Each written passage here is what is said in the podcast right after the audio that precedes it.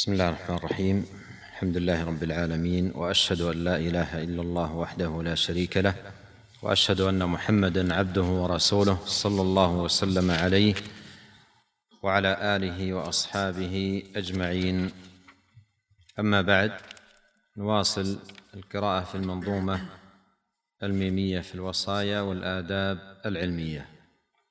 نعم. بسم الله الرحمن الرحيم. قال المصنف رحمه الله تعالى فيه التفاصيل للأحكام مع نبأ عما سيأتي وعن ماض من الأمم. فانظر قوارع آيات المعاد به وانظر لما قص عن عاد وعن إرم. وانظر به شرح أحكام الشريعة هل ترى بها من عويص غير منفصم. غيري. غير منفصم. أم من صلاح ولم يهد الأنام له أم أم باب هلك ولم يزجر ولم يلم. بضم الهاء. أم من صلاح ولم يهد الأنام له أم أم باب هلك ولم يزجر ولم يلم. أم كان يغني نقيرا عن هدايته جميع ما عند أهل الأرض من نظم. أخباره عظة أمثاله عبر وكله عجب سحقا لذي صمم. لم تلبث الجن إذ أصغت لتسمعه أم بادروا نذرا منهم لقومهم. الله أكبر ما قد حاز من عبر ومن بيان وإعجاز ومن حكم. والله أكبر إذ أعيت بلاغته وحسن تركيبه للعرب والعجم. كم ملحد رام أن يبدي معارضة فعاد بالذل والخسران والرغم.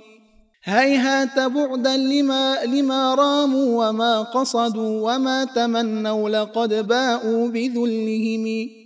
خابت أمانيهم شاهت وجوههم زاغت قلوبهم عن هديه القيم. كم قد تحدى قريشا في القديم وهم أهل البلاغة بين الخلق كلهم. بمثله وبعشر ثم واحدة فلم يرومه إذ الأمر لم يرم. الجن والإنس لم يأتوا لو اجتمعوا بمثله ولو انضموا لمثلهم. أنا وكيف ورب العرش قائله؟ سبحانه جل عن شبه له وسمي. ما كان خلقا ولا فيضا تصوره. نبينا لا ولا تعبير ذي نسم بل قاله ربنا قولا وأنزله وحيا على قلبه المستيقظ الفهم.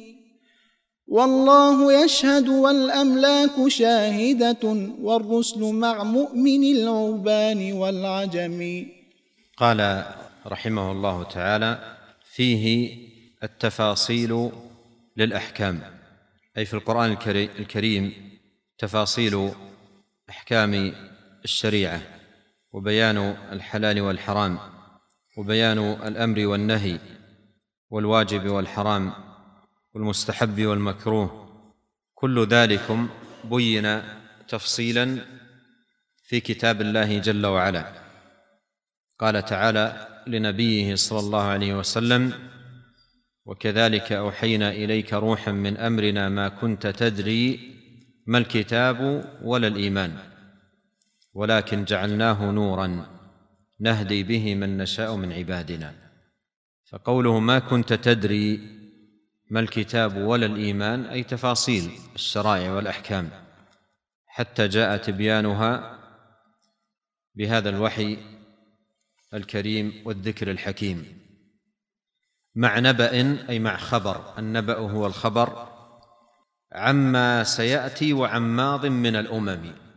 أي أن القرآن إضافة إلى ما فيه من بيان للأحكام فإن فيه أنباء الأولين والآخرين وفيه قصص الأولين والماضين وأيضا قصص من سيأتي من الأمم مما أخبر به الله جل وعلا في كتابه.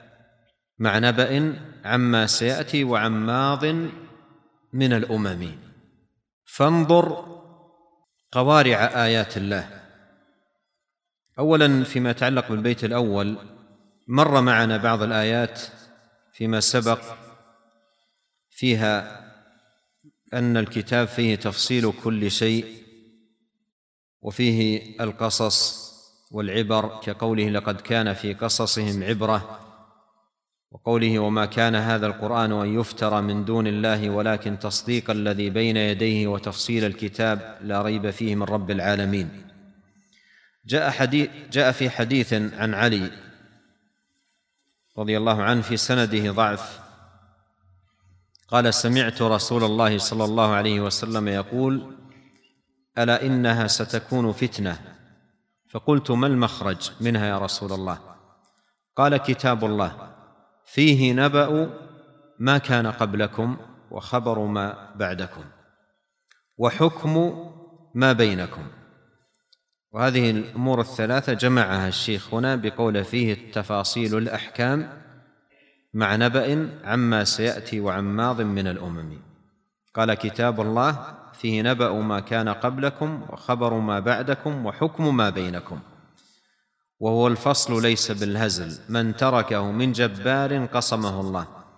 ومن ابتغى الهدى في غيره أضله الله. وهو حبل الله المتين وهو الذكر الحكيم وهو الصراط المستقيم. هو الذي لا تزيغ به الأهواء ولا تلتبس به الألسنة. ولا يشبع منه العلماء ولا يخلق على كثرة الرد. ولا تنقضي عجائبه. هو الذي لم تنته الجن إذ سمعته حتى قالوا إنا سمعنا قرآنا عجبا يهدي إلى الرشد. من قال به صدق ومن عمل به أجر ومن حكم به عدل ومن دعا إليه هدي إلى صراط مستقيم. رواه الترمذي وضعفه. ويروى أيضا موقوفا على علي. ومن حيث المعنى معناه صحيح. وما ذكر فيه كله حق لكنه لم يثبت عن نبينا صلوات الله وسلامه عليه. قال فانظر قوارع آيات المعاد به أي انظر في القرآن قوارع آيات المعاد أي الآيات التي تتحدث عن المعاد تفاصيل يوم القيامة وما في ذلك اليوم من أهوال وشدة وكرب. انظرها مفصلة في كتاب الله عز وجل في آيات المعاد أي في الآيات التي تتعلق بالمعاد والبعث والنشور والجزاء والعقاب والجنة والنار. وانظر أيضا لما قص عن عاد وعن إرم. أي وانظر أيضا في القرآن قصص الأمم العاتية. كيف حل الله سبحانه وتعالى بهم أنواع العقوبات وصنوف المثلات. ألم تر كيف فعل ربك بعاد؟ ارم ذات العماد. فهذا كله جاء مفصل في مواضع عديدة من كتاب الله سبحانه وتعالى. قال وانظر به شرح أحكام الشريعة. وانظر به شرح أحكام الشريعة. قوله به أي فيه. لأن الباء وهي حرف جر تنوب عن في. ولهذا أمثلة في القرآن. مثل قوله إنك بالواد المقدس أي في الواد. فنبذناه بالعراء أي في العراء. فتأتي الباء آه، بدل في. فقوله هنا وانظر به أي انظر فيه أي انظر في القرآن شرح أحكام الشريعة. تجدها مفصلة ومبينة على التمام والكمال. وانظر به شرح أحكام الشريعة. هل ترى بها أي فيها من عويص غير منفصم؟ تأمل يقول الشيخ رحمة الله عليه أحكام الشريعة في القرآن المبينة في كتاب الله عز وجل. هل ترى فيها من عويص؟ والعويص الأمر العسير. العويص هو الأمر العسير. من العوص ضد الإمكان واليسر. وكلام عويص أي صعب. وغير منفصم أي غير منقطع والانفصام الانقطاع. فالشيخ يقول رحمه الله تأمل أحكام الشريعة الواردة في القرآن. هل ترى فيها أحكاما عويصة؟ أي صعبة عسرة سواء في فهمها أو في العمل بها وتطبيقها؟ هل تجد شيئا من ذلك؟ الجواب لا. من عويص غير منفصل ثم لو قدر أن شيئا منها أشكل على بعض الناس أو على بعض الفهوم فهل فيها شيء من الأحكام يشكل بحيث لا ينفصم الأمر ولا يستبين أم أنها احكاما واضحة وامورا ميسرة وهديا بينا قويما؟ هل ترى بها من عويص غير منفصم أم من صلاح؟ أم هنا حرف عطف. أم من صلاح ولم يهد الأنام له. أم من صلاح معطوفة على هل ترى؟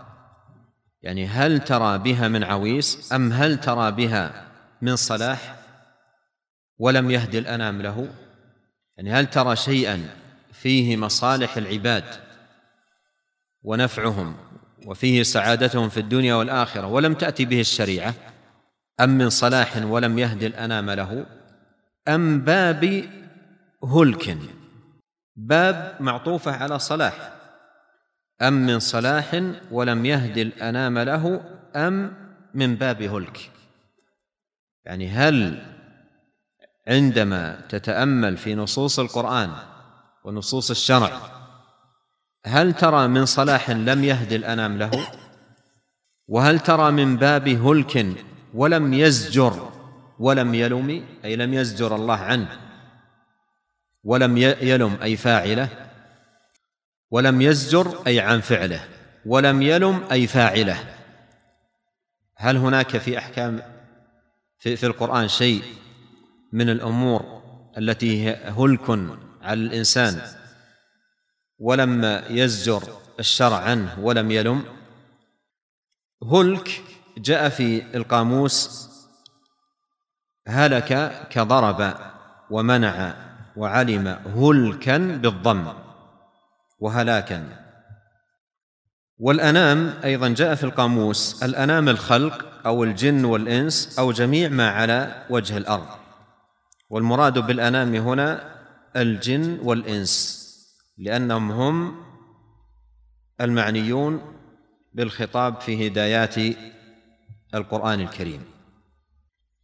يقول شيخ الإسلام ابن تيمية رحمه الله في بيان شمول الشريعة لكل خير وهدايتها لكل صلاح وفلاح ونهيها عن كل شر وباطل كما في مجموع الفتاوى. قال وقد أمر الله الرسول بكل معروف ونهى عن كل منكر وأحل كل كل طيب وحرم كل خبيث وثبت عنه في الصحيح وثبت عنه صلى الله عليه وسلم في الصحيح أنه قال ما بعث الله نبيا إلا كان حقا عليه أن يدل أمته على خير ما يعلمه لهم وينهاهم عن شر ما يعلمه رواه مسلم عن عبد الله بن عمرو. وينبغي أن يعلم أن الأعمال الصالحة أمر الله بها أمر إيجاب أو استحباب والأعمال الفاسدة نهى الله عنها. والعمل إذا اشتمل على مصلحة ومفسدة فإن الشارع حكيم فإن غلبت مصلحته على مفسدته شرعه. وإن غلبت مفسدته على مصلحته لم يشرعه بل نهى عنه. كما قال تعالى كتب عليكم القتال وهو كره لكم وعسى أن تكرهوا شيئا وهو خير لكم وعسى أن تحبوا شيئا وهو شر لكم والله يعلم وأنتم لا تعلمون. وقال تعالى يسألونك عن الخمر والميسر قل فيهما إثم كبير ومنافع للناس وإثمهما أكبر من نفعهما ولهذا حرمهما الله تعالى بعد ذلك. وهكذا ما يراه الناس من الأعمال مقربا إلى الله ولم يشرعه الله ورسوله فإنه لا بد أن يكون ضرره أعظم من نفعه. وإلا فلو كان نفعه أعظم غالبا على ضرره لم يهمله الشارع فإنه حكيم لا يهمل مصالح الدين ولا يفوت المؤمنين ما يقربهم إلى رب العالمين. انتهى كلامه. وقال رحمه الله في موضع آخر الشريعة جاءت بتحصيل المصالح وتكميلها وتعطيل المفاسد وتقليلها وإلا فجميع المحرمات من الشرك والخمر والميسر والفواحش والظلم قد يحصل لصاحبه بعض منافع ومقاصد لكن لما كانت مفاسدها راجحة على مصالحها نهى الله ورسوله عنها كما أن كثيرا من الأمور كالعبادات والجهاد وإنفاق الأموال قد تكون مضرة لكن لما كانت مصلحته راجحة على مفسدته أمر به الشارع. انتهى كلامه رحمه الله. قال الناظم أم كان يغني؟ أيضا معطوف على ما سبق. أم كان يغني نقيرا عن هدايته؟ جميع ما عند أهل الأرض من نظم أي أن هذا لا يكون لأن شريعة الإسلام جاءت شاملة لكل خير دالة على كل صلاح وفلاح. ولا يمكن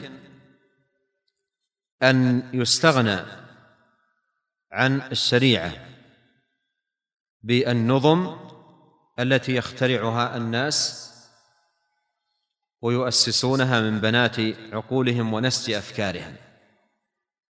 أم كان يغني نقيرا؟ النقير هو النقطة التي تكون على نواة التمر.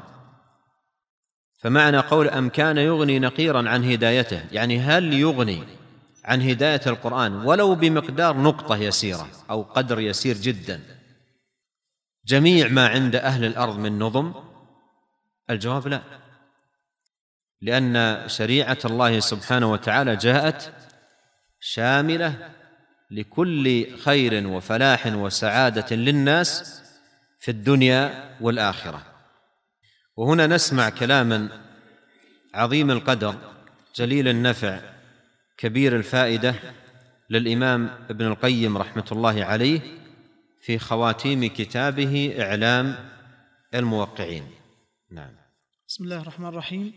قال الإمام ابن قيم الجوزية رحمه الله وهو عموم رسالته صلى الله عليه وسلم وهذا الأصل قال ابن القيم قال ابن القيم رحمه الله وهذا الأصل من أهم الأصول وأنفعها وهو مبني على حرف واحد وهو عموم رسالته صلى الله عليه وسلم بالنسبة إلى كل ما يحتاج إليه يحتاج إليه العباد في معارفهم وعلومهم وأعمالهم.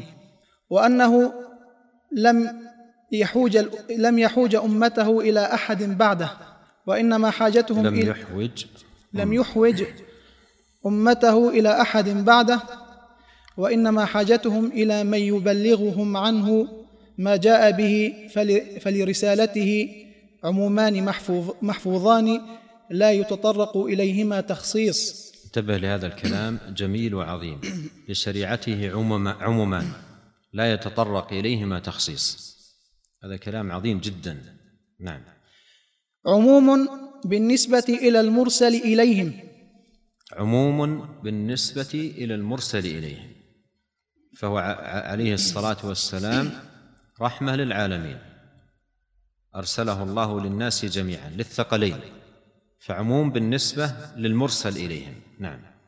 وعموم بالنسبة إلى كل ما يحتاج إليه من بعث إليه في أصول الدين وفروعه. وعموم من جهة ما بعث به فما بعث به عليه الصلاة والسلام شامل وجامع لكل خير.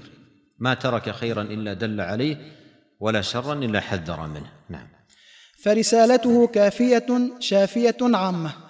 لا لا لا تحوج إلى سواها ولا يتم الإيمان به إلا بإثبات عموم رسالته في هذا وهذا. نعم. في هذا وهذا. يعني في المرسل إليهم وفي الرسالة ذاتها. نعم. فلا يخرج أحد من المكلفين عن رسالته. ولا يخرج نوع من أنواع الحق الذي تحتاج إليه الأمة الأمة في علومها وأعمالها عما جاء به. لا يخرج أحد من المكلفين عن رسالته. لا يجوز لأحد الخروج عن رسالته عليه الصلاة والسلام. وأيضا لا يخرج شيء من الخير عن عموم رسالته فهي حوت الخير كله. نعم. الرسول صلى الله عليه وسلم يبين كل شيء. وقد توفي رسول الله صلى الله عليه وسلم وما طائر يقلب جناحيه في السماء إلا ذكر للأمة منه علما. وعلمهم كل العناوين الجانبية هذه من المحقق تترك نعم. نعم. وعلمهم كل شيء حتى آداب التخلي وآداب الجماع والنوم والقيام والقعود والأكل والشرب والركوب والنزول والسفر والإقامة والصمت والكلام والعزلة والخلطة والغنى والفقر والصحة والمرض وجميع أحكام الحياة والموت. ووصف لهم العرش والكرسي والملائكة والجن والجن والنار والجنة ويوم القيامة وما فيه حتى كأنه رأي عين. وعرفهم معبودهم وإلههم أتم تعريف حتى كأنهم يرونه ويشاهدونه بأوصاف كماله ونعوت جلاله. وعرفهم الأنبياء وأممهم وما جرى لهم وما جرى عليهم معهم حتى كأنهم كانوا بينهم. وعرفهم من طرق الخير والشر دقيقها وجليلها ما لم يعرفه نبي يعرفه نبي لأمته قبله. وعرفهم صلى الله عليه وسلم من أحوال الموت وما يكون بعده في البرزخ وما يحصل فيهم من التنعيم والعذاب للروح والبدن ما لم يعرف به نبي غيره. وكذلك عرفهم صلى الله عليه وسلم من أدلة التوحيد والنبوة والمعاد والرد على جميع فرق أهل الكفر والضلال ما ليس لمن عرفه حاجة من بعده. اللهم إلا إلى من يبلغه إياه ويبينه ويوضح منه ما خفي عليهم. وكذلك عرفهم صلى الله عليه وسلم من مكايد الحروب ولقاء العدو وطرق النصر والظفر ما لو علموه وعقلوه ورعوه حق رعايته لم يقم لهم عدو أبدا. وكذلك عرفهم صلى الله عليه وسلم من مكايد إبليس وطرقه التي يأتيهم منها وما يتحرزون به من كيده ومكره وما يدفعون به شره ما لا مزيد عليه. وكذلك عرفهم صلى الله عليه وسلم من أحوال نفوسهم وأوصافها ودسائسها وكمائنها ما لا حاجة لهم معه إلى سواه. وكذلك عرفهم صلى الله عليه وسلم من أمور معايشهم ما لو علموه وعملوه لاستقامت لهم دنياهم أعظم استقامة. وبالجملة فجاءهم بخير الدنيا والآخرة برمته ولم يحوجهم الله إلى أحد سواه. فكيف يظن أن شريعته الكاملة التي ما طرق العالم شريعة أكمل منها ناقصة تحتاج إلى سياسة خارجة عنها تكملها أو إلى قياس أو حقيقة أو معقول خارج عنها. ومن ظن ذلك فهو كمن ظن أن بالناس حاجة إلى رسول آخر بعده صلى الله عليه وسلم وسبب هذا كله كله خفاء ما جاء به على من ظن ذلك. وقلة نصيبه من الفهم الذي وفق الله أصحاب نبيه الذين اكتفوا بما جاء به واستغنوا به عما سواه وفتحوا به القلوب والبلاد وقالوا هذا عهد نبينا إلينا وهو عهدنا إليكم. وقد كان عمر رضي الله تعالى عنه يمنع من الحديث عن رسول الله صلى الله عليه وسلم خشية أن يشتغل الناس به عن القرآن. فكيف لو فكيف لو رأى اشتغال الناس بآرائهم وزبد أفكارهم وزبالة أذهالهم عن القرآن والحديث؟ فالله المستعان. هذا كلام عظيم جدا وجدير بطالب العلم أن يتأمله مرات ينفعه الله سبحانه وتعالى به. وهو في آخر إعلام الموقعين في المجلد الرابع صفحة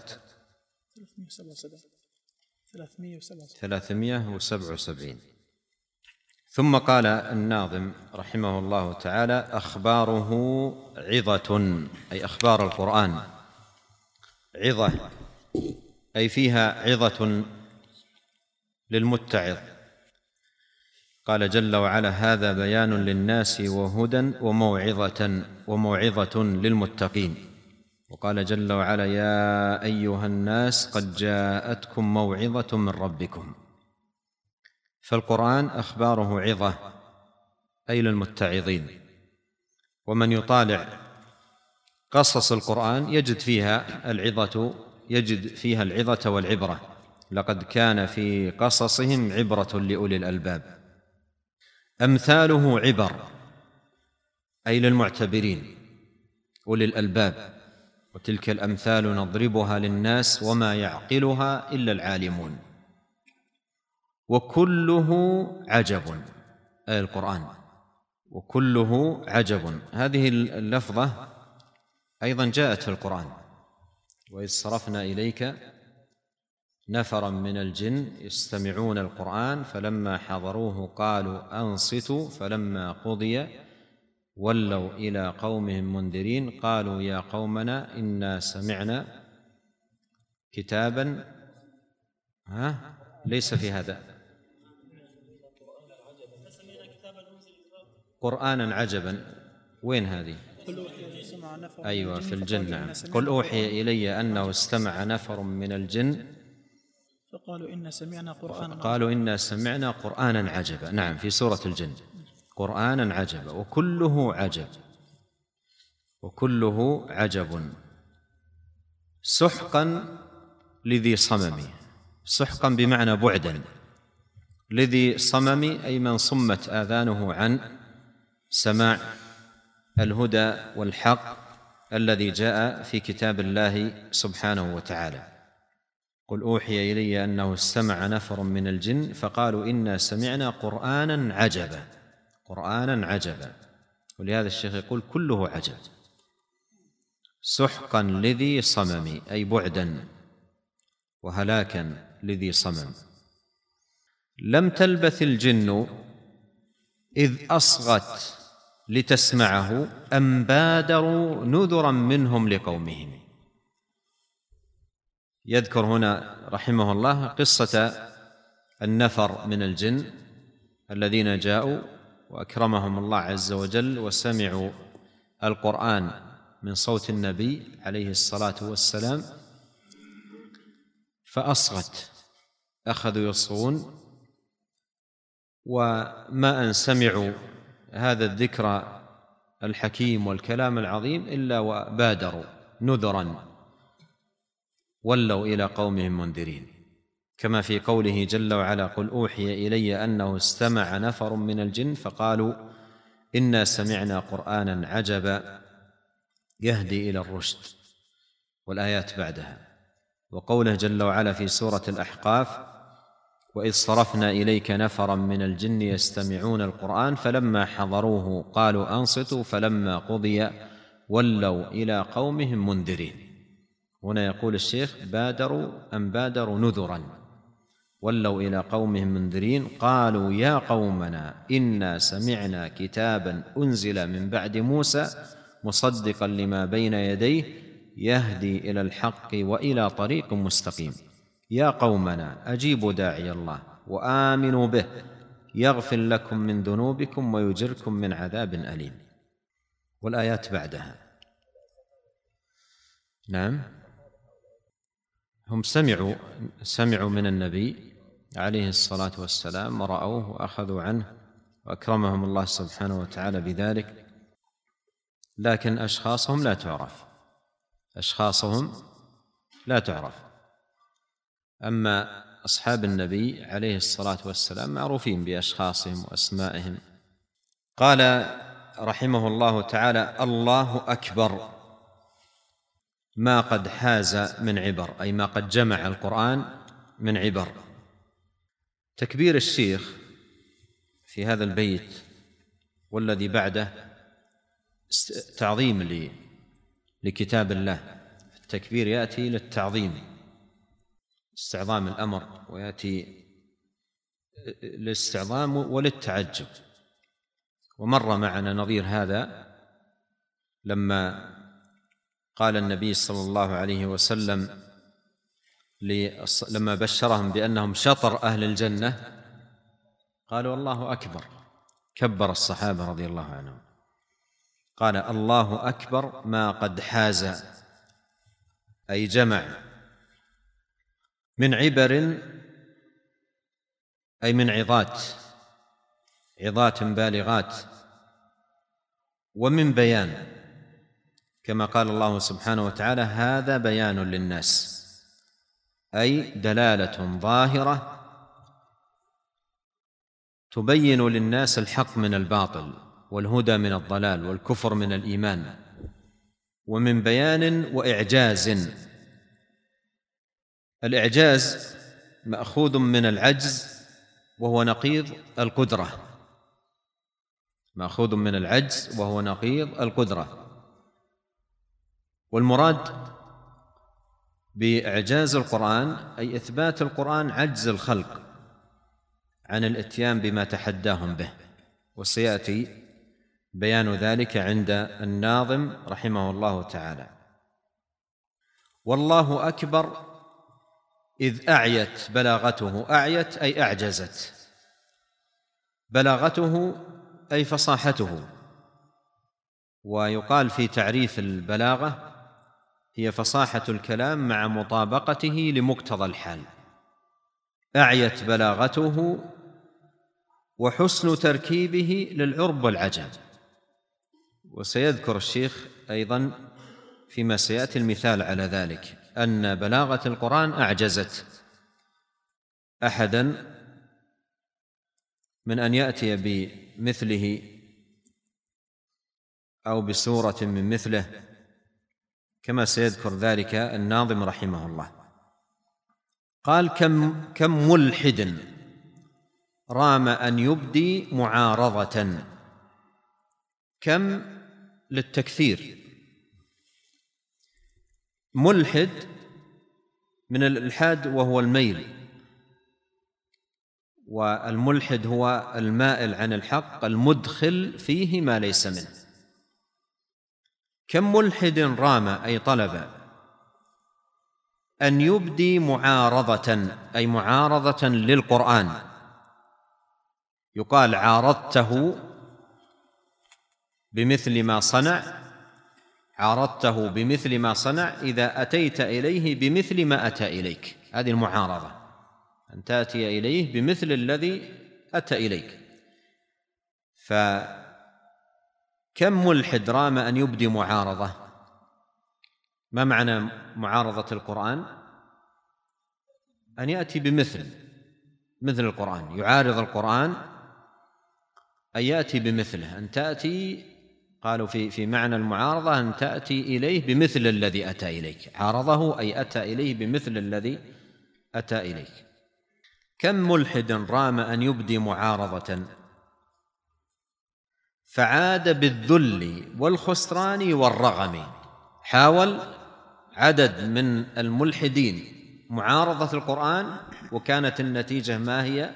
الذل والخسران والرغم. والرغم هو الذل. والصغار. يقال رغم أنفه رغما إذا ساخ في الرغام والرغام هو التراب. ثم استعمل في الذل والعجز والصغار. يقال رغم أنفه أو رغم أنفه. الشيخ يقول كم كم ملحد؟ يعني كثير. وقد أثبت التاريخ أن الذين حصلت منهم هذه المحاولة لم يخرجوا عن إحدى نتيجتين. الذين حصلت منهم هذه المحاولة. محاولة معارضة القرآن وأن يأتوا بمثله. إما أن يبوءوا بالخيبة وإعلان العجز والإفلاس وعدم القدرة. يعني بعض الملاحدة حاول وكرر المحاولة ثم أعلن العجز. قال لا يمكن. وأضرب على ذلك مثال. والقسم الثاني أتى بشيء لم يعلن عجزه أتى بشيء لكنه أتى بسخافات وهراء وكلام سمج سقيم. فكل من حاول لم يخرج عن هذين الأمرين. مثال الأول ما ذكره الشوكاني رحمه الله في تفسير أول آية من سورة المائدة في كتاب فتح القدير. قال هذه الآية افتتح الله بها هذه السورة إلى قوله إن الله يحكم ما يريد. فيها من البلاغة ما تتقاصر عنده القوى البشرية. مع شمولها لأحكام عدة. منها الوفاء بالعقود. ومنها تحليل بهيمة الأنعام. ومنها استثناء ما سيتلى مما لا يحل. ومنها تحريم الصيد على المحرم ومنها إباحة الصيد لمن ليس بمحرم. آية وجيزة لكن اشتملت على أحكام عديدة عظيمة. قال وقد حكى النقاش أن أصحاب الفيلسوف الكندي قالوا له أيها الحكيم اعمل لنا مثل هذا القرآن. فقال نعم أعمل مثل بعضه. فاحتجب اياما كثيرة ثم خرج. فقال والله ما أقدر. فقال والله ما أقدر ولا يطيق هذا أحد. إني فتحت المصحف فخرجت سورة المائدة. فنظرت فإذا هو قد نطق بالوفاء. ونهى عن النكث وحلل تحليلا عاما ثم استثنى بعد استثناء ثم أخبر عن قدرته وحكمته في سطرين. ولا يقدر أحد أن يأتي بهذا. هذا مثال للأول الذي حاول وأعلن عجزه واختاروا لهذه المحاولة رجل معروف عندهم بأنه حكيم وفيلسوف واحتجب عنهم أيام ثم أخرج خرج يعلن عجزه وافلاسه مثال الثاني والثاني لها أمثلة كثيرة نكتفي منها بواحد قصة مسيلمة الكذاب. قال ابن كثير في تفسيره قد روينا عن عمرو بن العاص أنه وفد على مسيلمة الكذاب قبل أن يسلم أي عمرو. فقال له مسيلمة ماذا أنزل على صاحبكم بمكة في هذا الحين؟ فقال له عمرو لقد أنزل عليه سورة وجيزة بليغة. فقال وما هي؟ فقال والعصر. إن الإنسان لفي خسر إلا الذين آمنوا وعملوا الصالحات. وتواصوا بالحق وتواصوا بالصبر. ففكر ساعة أي مسيلمة ثم رفع رأسه فقال ولقد أنزل علي مثلها. ولقد أنزل علي مثلها. فقال له عمرو وما هو؟ قال يا وبر يا وبر إنما أنت أذنان وصدر. وسائرك حقر فقر. ثم قال مسيلمة لعمر كيف ترى يا عمر إيش رأيك؟ كيف ترى؟ الشخص اللي على ثقة الشخص الذي على ثقة بما عنده ما يقول إيش رأيك؟ قال كيف ترى يا عمر فقال له عمر والله إنك لتعلم أني أعلم أنك تكذب. قال الناظم رحمه الله تعالى هيهات بعدا لما راموا وما قصدوا وما تمنوا لقد باءوا بذلهم. يعني هؤلاء الملاحدة الذين حاولوا وراموا واجتهدوا أن يأتوا بمثل القرآن أو أن يعارض القرآن هيهات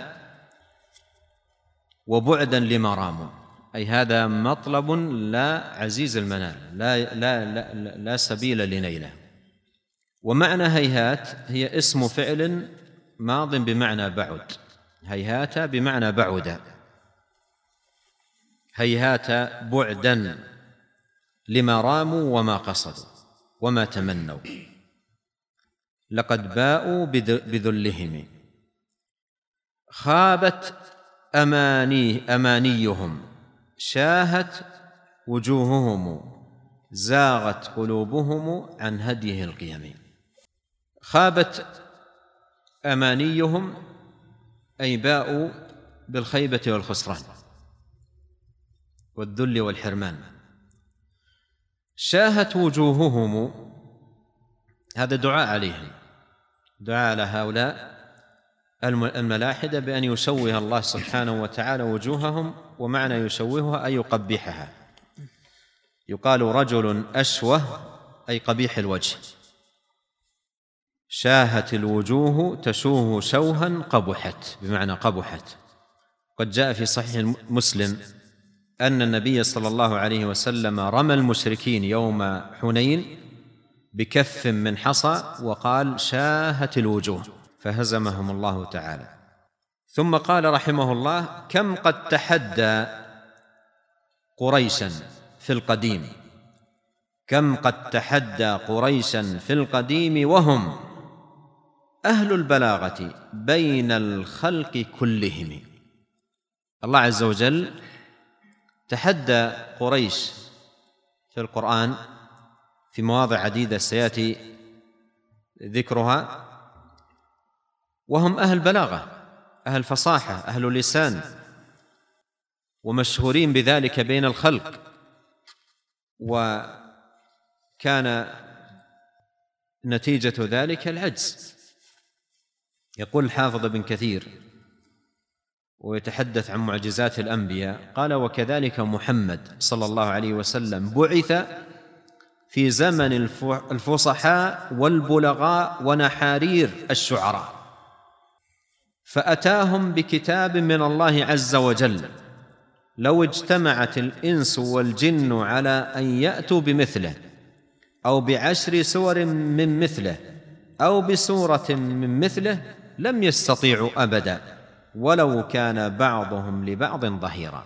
وما ذاك إلا لأن كلام الرب عز وجل لا يشبه كلام الخلق أبدا.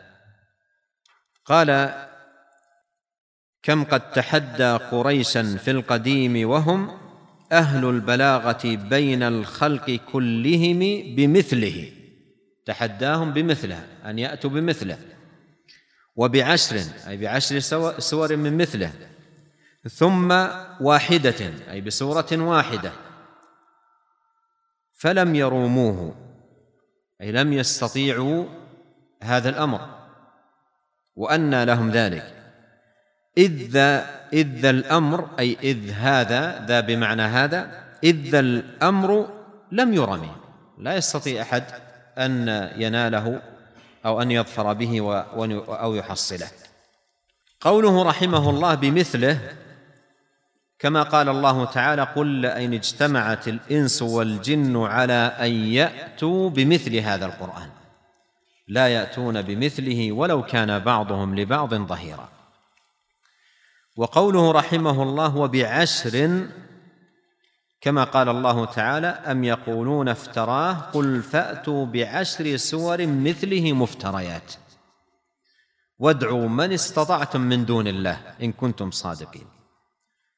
وقوله ثم واحدة كما في قوله جل وعلا وإن كنتم في ريب مما نزلنا على عبدنا فأتوا بسورة من مثله وادعوا شهداءكم من دون الله إن كنتم صادقين. ويقول الله تعالى أم يقولون افتراه قل فأتوا بسورة مثله وادعوا من استطعتم من دون الله إن كنتم صادقين. قال رحمه الله الجن والإنس لم يأتوا ولو لو اجتمعوا بمثله ولو انضم ولو انضموا لمثلهم.